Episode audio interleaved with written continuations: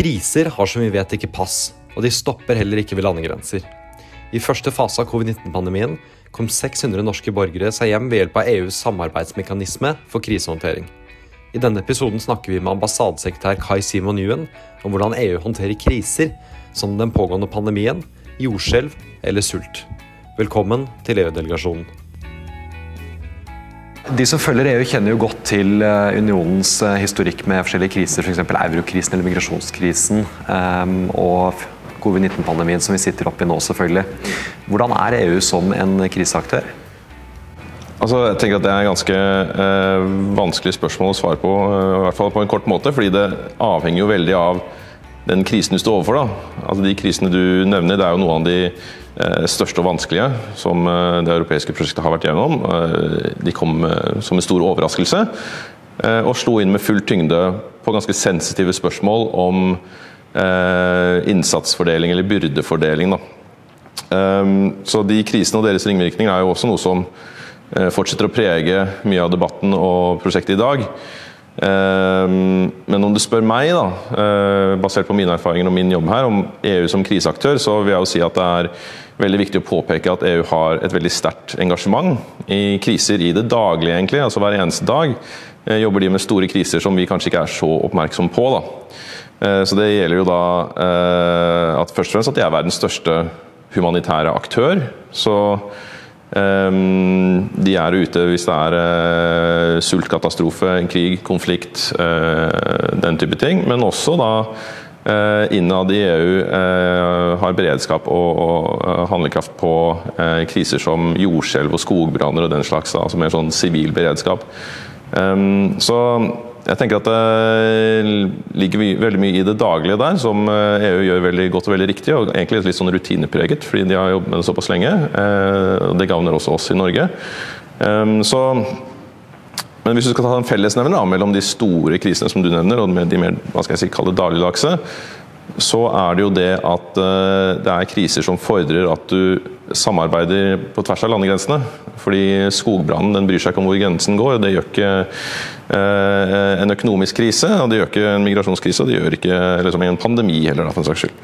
Så det ligger store merverdier i det samarbeidet, uh, og så tenker jeg at det er EU eh, e som kriseaktør det vil jo være avhengig av den enkelte krisen, men eh, det er viktig å påpeke at ja, det er snakk om en aktør, men det er kanskje først og fremst snakk om en eh, arena for krisehåndtering, hvor medlemslandene møtes og snakkes og finner ut om hvordan kan vi best adressere dette sammen, og hvor langt er vi villige til å gå.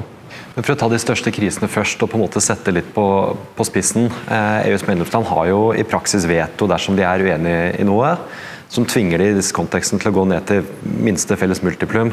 Eh, er det tilstrekkelig? Igjen da, For å se liksom eurokrisen eller migrasjonskrisen, så eh, Jeg har fortsatt til gode å høre at liksom, eh, EU traff eh, helt perfekt i sin respons. For du møter 27 medlemsland som hadde 27 forskjellige meninger. Noen mener at det gikk eh, for langt, at man ba om for mye. Andre mener at de har gjort for lite. ikke sant? Eh, og Sånn må det jo nødvendigvis være, fordi det er medlemslandet som til syvende og sist bestemmer her. Um, når det gjelder liksom det med et minste felles multiplum, så er det en kritikk som, som faller, etter mitt ståsted faller litt på siden. Fordi et minste felles multiplum er fortsatt et multiplum. Uh, og det er uh, i seg selv har en veldig stor merverdi da, når det handler om kriser som liksom skal treffe, uh, som skal håndteres fordi de går på tvers av grensene. så og så er det jo det at eh, I spørsmål om byrdefordelingen og sånn, så det er naturlig at medlemslandene har veldig forskjellige synspunkter på det. Forskjellige synspunkter på byrdefordeling og hva som er den beste måten å adressere krisen. Da. Så Eh, at man ikke får noe multiplum i det hele tatt, det er jo veldig sjeldent. Eh, jeg vil kanskje heller si at det svinger mellom liksom sånn adhoc-tiltak, som kanskje man så under migrasjonskrisen og eurokrisen, og mer sånn at EU ser at her er vi ikke godt nok skikket til å håndtere den typen utfordringer. Her må vi styrke mandatet, styrke felles beredskap, sånn at vi kommer bedre ut av det. og Det tror jeg vi ser nå kanskje spesielt med covid. da. Vi skal trekke det litt bort fra de store temaene til det mer generelle. Brann, jordskjelv, nødhjelp. Eh, hvilken del av EU er det som håndterer denne type kriser? Finnes det et apparat for det? Ja, eh, det gjør det. Absolutt. Altså, eh, når jeg tenker på kriser i EU-sammenheng, så tenker jeg på DG Ekko Og det er en litt sånn forglemmelig EU-forkortelse som mange andre, men eh, det er eh, Director General for European Civilian Protection eh, and Humanitarian Aid Operations. Eh, så på godt norsk det er Generaldirektoratet for eh, sivil beredskap og humanitær bistand. Det er en veldig stor organisasjon. De er her i Brussel med 500 ansatte, og så har de 500 ansatte liksom spredt rundt omkring på kloden. Og de jobber både med den sivile beredskapen innad i EU, og så jobber de med eh, humanitære operasjoner eh, internasjonalt. Og DG Ekko de har et veldig interessant mandat, som jeg syns er ganske eh, sjeldent, egentlig. Da. Men for å lese det opp, da, for å få det ord for ord. Eh, deres oppdrag er å redde og beskytte liv, å lette på menneskelige lidelser og beskytte integriteten og den menneskelige verdigheten til befolkninger som rammes av naturlige og menneskeskapte kriser. Ehm, så der ligger det både det med å være humanitær donor eh, og det med sivil beredskap. Men det er ganske interessant, for det er jo ikke noe skille mellom en EU-borger og ikke i, i, dette oppdraget. Eh, så det er ganske bredt og åpent og synes jeg eh, et oppdrag preget av liksom solidaritet, da, som er interessant. Det ene mandatet til DGECO det er å være en selvstendig humanitær donor. Så um, her er liksom, Før du begynner å snakke om EU og alle medlemslandene, så er kommisjonen i seg selv og DG ECO da, eh, er en gigant på det området her. Hadde DGECO DG ECO vært ett land, så hadde de hatt verdens tredje største humanitærbudsjett. Så det er massivt. ikke sant? Med medlemslandene er selvfølgelig EU størst, men altså DGECO i seg selv kjempestort. Og Det andre mandatet til DGECO det er da beskyttelse av sivile. Medlemsland har selv Eh, ansvaret for det, primæransvaret. De har eh, selvråderett på det, såkalt. Og, og kommisjonens mandat er mer begrenset til å legge til rette for koordinering og samarbeid, fordi det har man funnet at man trenger i møte med den typen kriser. Eh, og Da snakker vi som sagt om naturkatastrofer og menneskeskapte kriser. så Det kan være både liksom, flom, jordskjelv og den type ting, eller det kan være terrorangrep. Eller mer sånn uhell. Så la oss si f.eks. den eksplosjonen som var i Beirut i fjor. Var også da eh, en aksjon som eh, trigget en del eh, handling fra UCPM. Så du snakker om beskyttelse av sivile da, så inkluderer det EU-borgere selv om de er i, i, Beirut? Det er egentlig litt både òg. Eh, et hvilket som helst land, ikke bare medlemsland, kan be om hjelp fra UCPM. Eh, så eh, legger heller DGECO til rette for at, man, eh, at medlemslandene selv kan svare på kapasiteter til det. Da. Eh, så eh, Som et eksempel så har India, da de hadde denne smittetoppen nå nylig, ba de om bistand fra UCPM og ba veldig konkret om oksygentanker, ventilatorer, annen type medisinsk utstyr etc. Og fikk det fra ganske mange medlemsland. Da. Men det er en måte å liksom samordne og koordinere alle de forespørslene på et sted, og samtidig så ser du hva slags ressurser som er tilgjengelige. Du, du, nevner UCPM, hva er det for noe? Ja, UCPM det er Union Civil Protection Mechanism. så Det er EUs uh, ordning for uh, sivil beredskap. Um, 27 medlemsland i EU er selvfølgelig medlemmer. I tillegg har de seks andre medlemsland som er fra nærområdet. Det inkluderer Norge, så vi er også med. Og det, la oss si at det kommer en skogbrann i Sverige. Så ser man at denne sprer seg, og Sverige vil si at nå trenger vi eh, brannbiler, eh, brannmenn, vi trenger kanskje helikoptre til hjelp i slukningsarbeidet. Eh, så kan medlemslandene si hva de har tilgjengelig eh, i området, og, og, og, gjøre de ressursene disponible. Eh, og så er det selvfølgelig også veldig nyttig for f.eks. Norge. Da, så begynner denne eh, skogbrannen å nærme seg den norske grensa, kommer den til våre skoger, så kan vi følge med på det, og også forhåndsvarsle at vi kanskje får behov. Og Det har vi også gjort en gang. I, i 2018 så var det skogbrann i Sverige da vi eh, varslet at nå får vi kanskje behov for det her. Det høres ut som det er ganske tett på kjernen i merverdien av å samarbeide om kriser? da? Ja, absolutt. Altså, det her er øh, øh, Jeg tenker at dette her er kriser som, øh, som man sier, altså, de, de, går over landegrensene. Men så er det også det at eh, hvis alle sammen skulle hatt ideell beredskap selv, så hadde det blitt ganske dyrt. Hvis alle skulle sittet med alle helikoptrene og brannbilene og sånn og være parat hele tiden, så ville det selvfølgelig kosta veldig mye. Nå kan man spre det utover, og det blir jo en stor fordel.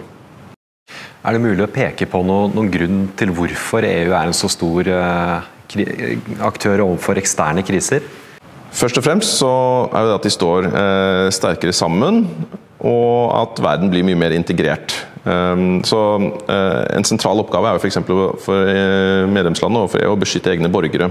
Men nesten uansett hvor en krise treffer i dag, så vil du finne EU-borgere. Det, det skillet mellom internt og eksternt eh, viskes jo sånn sett litt ut. Eh, så Hvis du tenker f.eks. Eh, tsunamien i Thailand, for eksempel, så er det åpenbart at man har et ansvar for sine borgere, eh, og du må mobilisere for å bistå dem i krisen. Og så har du krig og konflikt og den typen andre ting i EUs nærområder kan, eh, som også kan ramme negativt. Eh, det gir ustabilitet. Eh, det kan bidra til terror, hva er et annet sted for terror. Det kan gi migrasjonsstrømmer som er vanskelig å kontrollere og håndtere på en forsvarlig måte. Men det kan også være mer indirekte problemstillinger, som f.eks. det økonomiske sjokket som kommer til et sted, og som siden forflytter seg da, og har ringvirkninger. For et typisk land så er jo dette skillet mellom interne og eksterne kriser ganske tydelig. Eh, og Det er jo ikke uhørt at man selvfølgelig bistår til eksterne kriser, men det fremstår fra det du sier som at det skillet kanskje er ekstra utydelig akkurat for EU? Ja, altså det er jo eh, Til syvende og sist så handler det jo om eh, å følge sine egne interesser. da. Det vil jo være det første man ser på, og, der vil du med rette liksom se på kriser både internt og eksternt kommissær eh, Lenarcic, som er den slovenske kommissæren som leder DGK, eh, han har sagt at Um, han ikke vil omtale som liksom et generaldirektorat for liksom, sivil beredskap og humanitær bistand. Han vil omtale som et generaldirektorat for krisehåndtering. Punktum. For der ser han liksom at det er den mest naturlige ansvarsbeskrivelsen. Um, og jeg tror at uh, Erfaringen med covid-19 viser jo det veldig tydelig. Uh, at dette skillet, uh, litt sånn avhengig av krisen, kan egentlig viskes mer eller mindre helt ut. Altså DGECO sier at de har uh, fem prinsipper uh, for måten de jobber på. Uh, og De første fire av de er de samme humanitære prinsippene som alle humanitære jobber med. Og Det er altså humanitet, at humanitær nødhjelp er å beskytte liv og helse og sikre respekt for mennesker. Nøytralitet, at humanitære aktører ikke skal velge en side i en konflikt eller gå inn på liksom, sensitive politiske spørsmål, religiøse spørsmål og sånn. Eh, det er upartiskhet, at de skal levere nødhjelp til de som trenger det mest, uavhengig av nasjonalitet eller etnisitet. eller hva det måtte være. Eh, og det er uavhengighet, altså at den må være uavhengig av alle politiske og økonomiske interesser. Og så har de et femte prinsipp, eh, som er solidaritet. Det har de fra mandatet sitt for sivil beredskap. og Det handler om at man skal handle for å liksom forsvare interessefellesskapet da, som ligger blant medlemslandene. Så ikke sjenerøsitet og ikke gavmildhet overfor andres lidelser, men liksom solidaritet. Um, og så ser vi at Det er noen kriser som fordrer eh, solidaritet, ikke bare i EU, men også globalt. tenker jeg. Og igjen da, så tenker jeg at Korona er et veldig aktuelt eksempel på det. Hvor igjen dette skillet mellom internt og internt, eksternt kanskje viskes litt ut. Men, men, hvordan har EU fungert som kriseaktør under covid-19-pandemien? Altså Hvis du eh, eh, tenker et år tilbake i tid, da var vi omtrent der at Italia var som det såkalt episenteret globalt for pandemien og hadde helt forferdelige scener, fra, spesielt fra Nord-Italia. Um, da gjorde jo eh, DGECO ganske mye. Altså, hvis du ser på den UCPM-siden, så uh, ba de om uh, mye forskjellige kapasiteter, og de fikk svar. Uh, inkludert fra Norge, som stilte et team med leger og helsesøster til disposisjon. Og også fra Romania, f.eks. Um, så var det også det som fort ble veldig klart, da, altså når alle grensene ble stengt ned at det sitter jo europeiske borgere fast rundt omkring i hele verden. Eh, og de sitter i områder hvor det er eh, ganske dårlig helseberedskap, ganske dårlig velferdstilbud. Så disse menneskene må få hjem. Eh, og da hadde man en veldig sånn imponerende eh, organisasjon av de kapasitetene som eh, medlemslandet hadde. Altså alle meldte inn vi har fly som går den og den og den og den retningen, fra det landet til EU og det landet til EU. Eh, og så kunne man også melde inn vi har så og så mange borgere som sitter fast i de forskjellige landene. Eh, så I det så ligger helt åpenbar merverdi. ikke sant? Altså Små land, som f.eks. Norge. da, Hvis du har fem borgere i ett land, du ikke får dem hjem, så er det ikke gitt at du kan bare charte et fly for å få hjem de fem. Men de fem fikk jo veldig mange tilfeller plass på et tysk fly, eller et fransk fly eller et svensk fly. Uh, og ikke minst chartret vi også mange egne fly, og fikk hjem mange andre europeiske borgere. Så etter sist telling så var det omtrent 600 nordmenn som kom seg hjem på det, gjennom det arbeidet, og også 600 omtrent europeiske borgere som vi fløy hjem.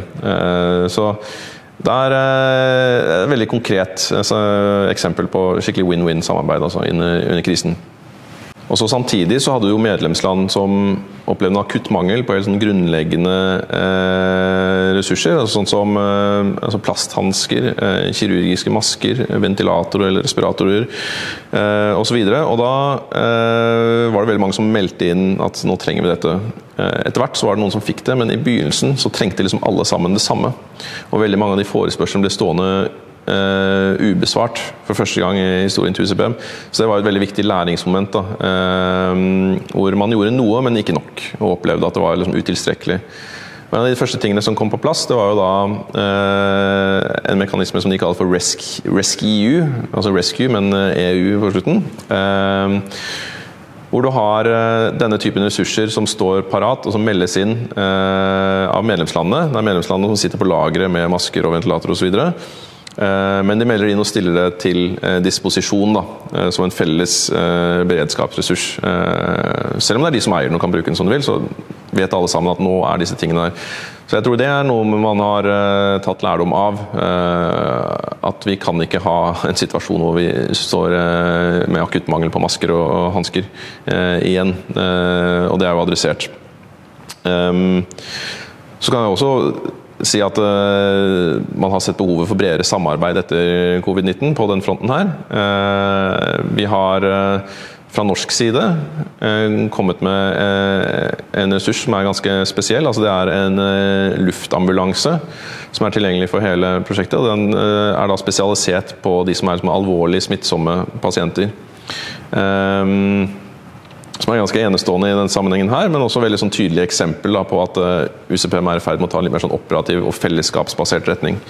Og så må man jo si at uh, på den humanitære fronten så har jo covid-19 vært en mye større problemstilling enn det man kan få inntrykk av i mediene. altså um, vi sitter nå og føler at nå er det liksom lys i enden av tunnelen. Nå er det liksom den første utepilsen og alle de greiene her. Um, og, og, det er jo flott, men samtidig så er det sånn at du har mer mennesker på flukt enn du noen gang har hatt før i historien. Eh, du har en ny eh, topp kommende nå i sommer antageligvis på sult og underernæring. Eh, og du har da ikke minst veldig store økonomiske ringvirkninger av pandemien. Da. Så En undersøkelse fra et FN-kontor som jeg så var, viste at tre fjerdedeler av de som er på flukt, har mista inntektsgrunnlaget sitt. altså De plukker opp forskjellige strøjobber og, sånne, og andre jobber i uformell sektor rundt omkring. Eh, så det er klart at det kommer til å treffe veldig hardt.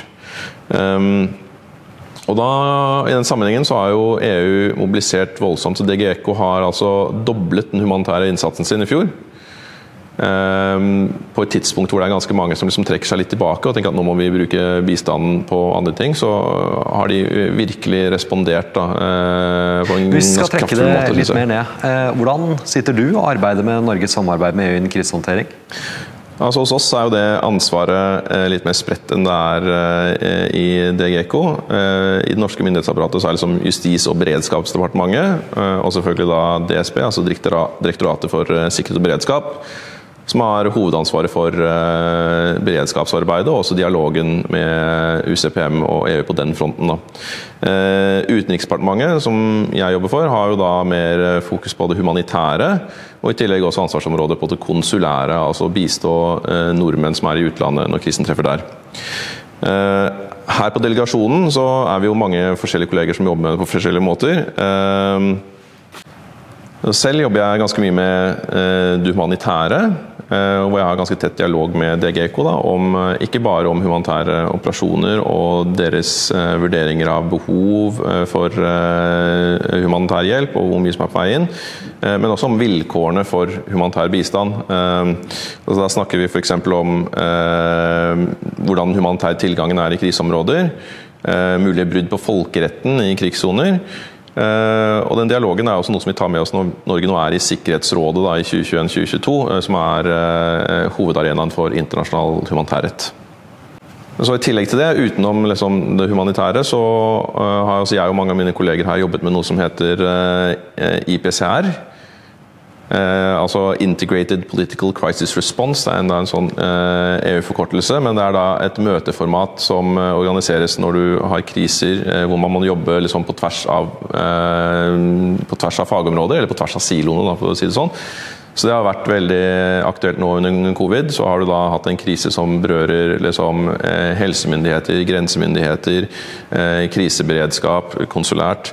Um, så jeg har vært et kontaktpunkt, Norges kontaktpunkt i IPCR og jobbet der sammen med gode kolleger fra delegasjonen, eh, som f.eks. helserådene og justisrådene.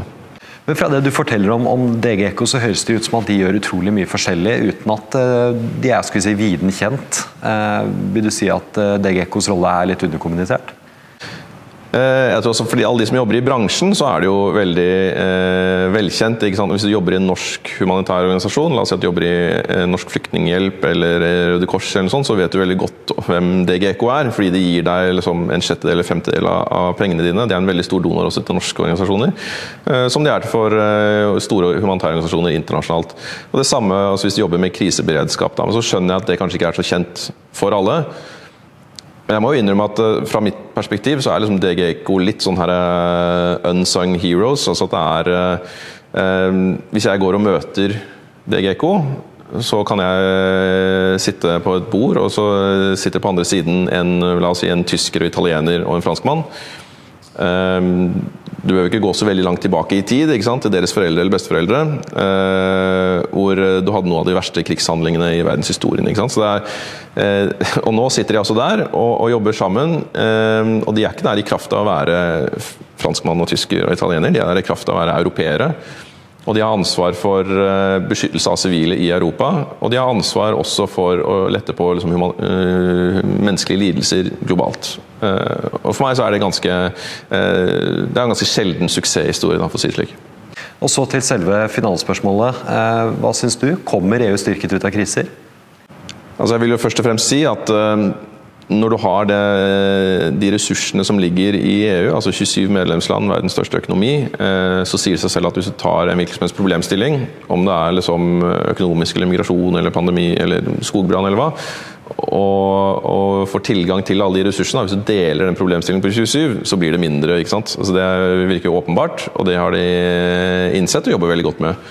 Um, men så ser vi også at uh, dette arbeidet utvikler seg jo hele tiden. At uh, grensene dyttes litt avhengig av hva slags erfaringer de har vært gjennom.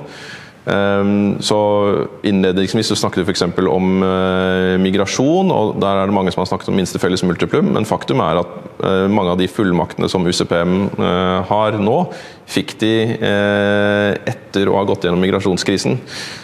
Så et, sånn, eh, et, resultat av den migrasjonskrisen var jo at eh, du trengte å mobilisere ressurser ut til forskjellige flyktningleirer rundt omkring internt. Og så har man eh, beholdt de mekanismene, og så fungerer de også like godt til å håndtere en pandemi. Så det er klart at selv om du liksom ikke har funnet den store løsningen på migrasjonsspørsmål, eller liksom eurokrisen, eller sånn, så skjer det hele tiden også små skritt som går i riktig retning, og som går i retning av et sterkere EU. Det vil jeg absolutt si. Og så er det også klart at uh, det tas også ganske mange store, store, skritt i retning av et styrket øye på dette området. Så uh, med pandemien så virker det for være veldig klart. Altså, du har jo hatt uh, min kollega, helseråden Anders, som snakket om helsesamarbeid under covid-19. Der ser vi at det skjer ganske mye. vi ser at det skjer ganske mye på beredskapssiden også. UCPM er jo i det nye langtidsbudsjettet. Uh, fått veldig eh, store økninger i budsjettet, det er vel doblet, tror jeg i hvert fall. Uh, og får også større fullmakter. Så fra mitt ståsted er det ingen tvil om at liksom, det blir sterkere, da. og så skjønner jeg at det er liksom litt stort og, og, og komplisert materie å, å, forholde seg til. Um, men for å si det sånn, da. Altså, Henry Kissinger han har et liksom sitat som er veldig kjent for de som studerer EU. og det er at liksom, Hvis du skal ha tak i EU, hvem er det du ringer til? Altså Underforstått, eh, hva slags aktør er EU? Du vet ikke engang hvem du skal ringe. Skal du ringe liksom som kommisjonspresidenten, eller rådspresidenten, eller parlamentspresidenten? Altså Litt sånn harselerende, eh, og også litt sånn som man kan forstå da, at det er eh, ikke helt åpenbart hvem som er hvem, sett fra utsiden. Men igjen, da, altså kommissær Lenacic, som leder DG ECO, han hadde en sånn høring i parlamentet hvor han måtte godkjennes før han ble valgt inn. Eh, Og han mente at den debatten om hvem du skal ringe, den kan du bare legge død. For at DGECO har en sånn hotline som er åpen 24 timer i døgnet, hvor du kan ringe om hjelp. Hvis du ringer den, det nummeret, uavhengig om det er en menneskeskapt krise, eller om det er en naturkrise, om det er krig eller terror, om det er jordskred eller hva det er, så får du svar. Eh, og jeg tenker at Det er ganske viktig å ta med seg, og noe som ofte tas for gitt. som sagt. Eh, og Hvis du ser liksom historikken til EU, så er det helt klart at eh, dette her er en stor styrke. da. Både for EUs gode, men også for de som samarbeider med EU, sånn som oss, og også for verden for øvrig.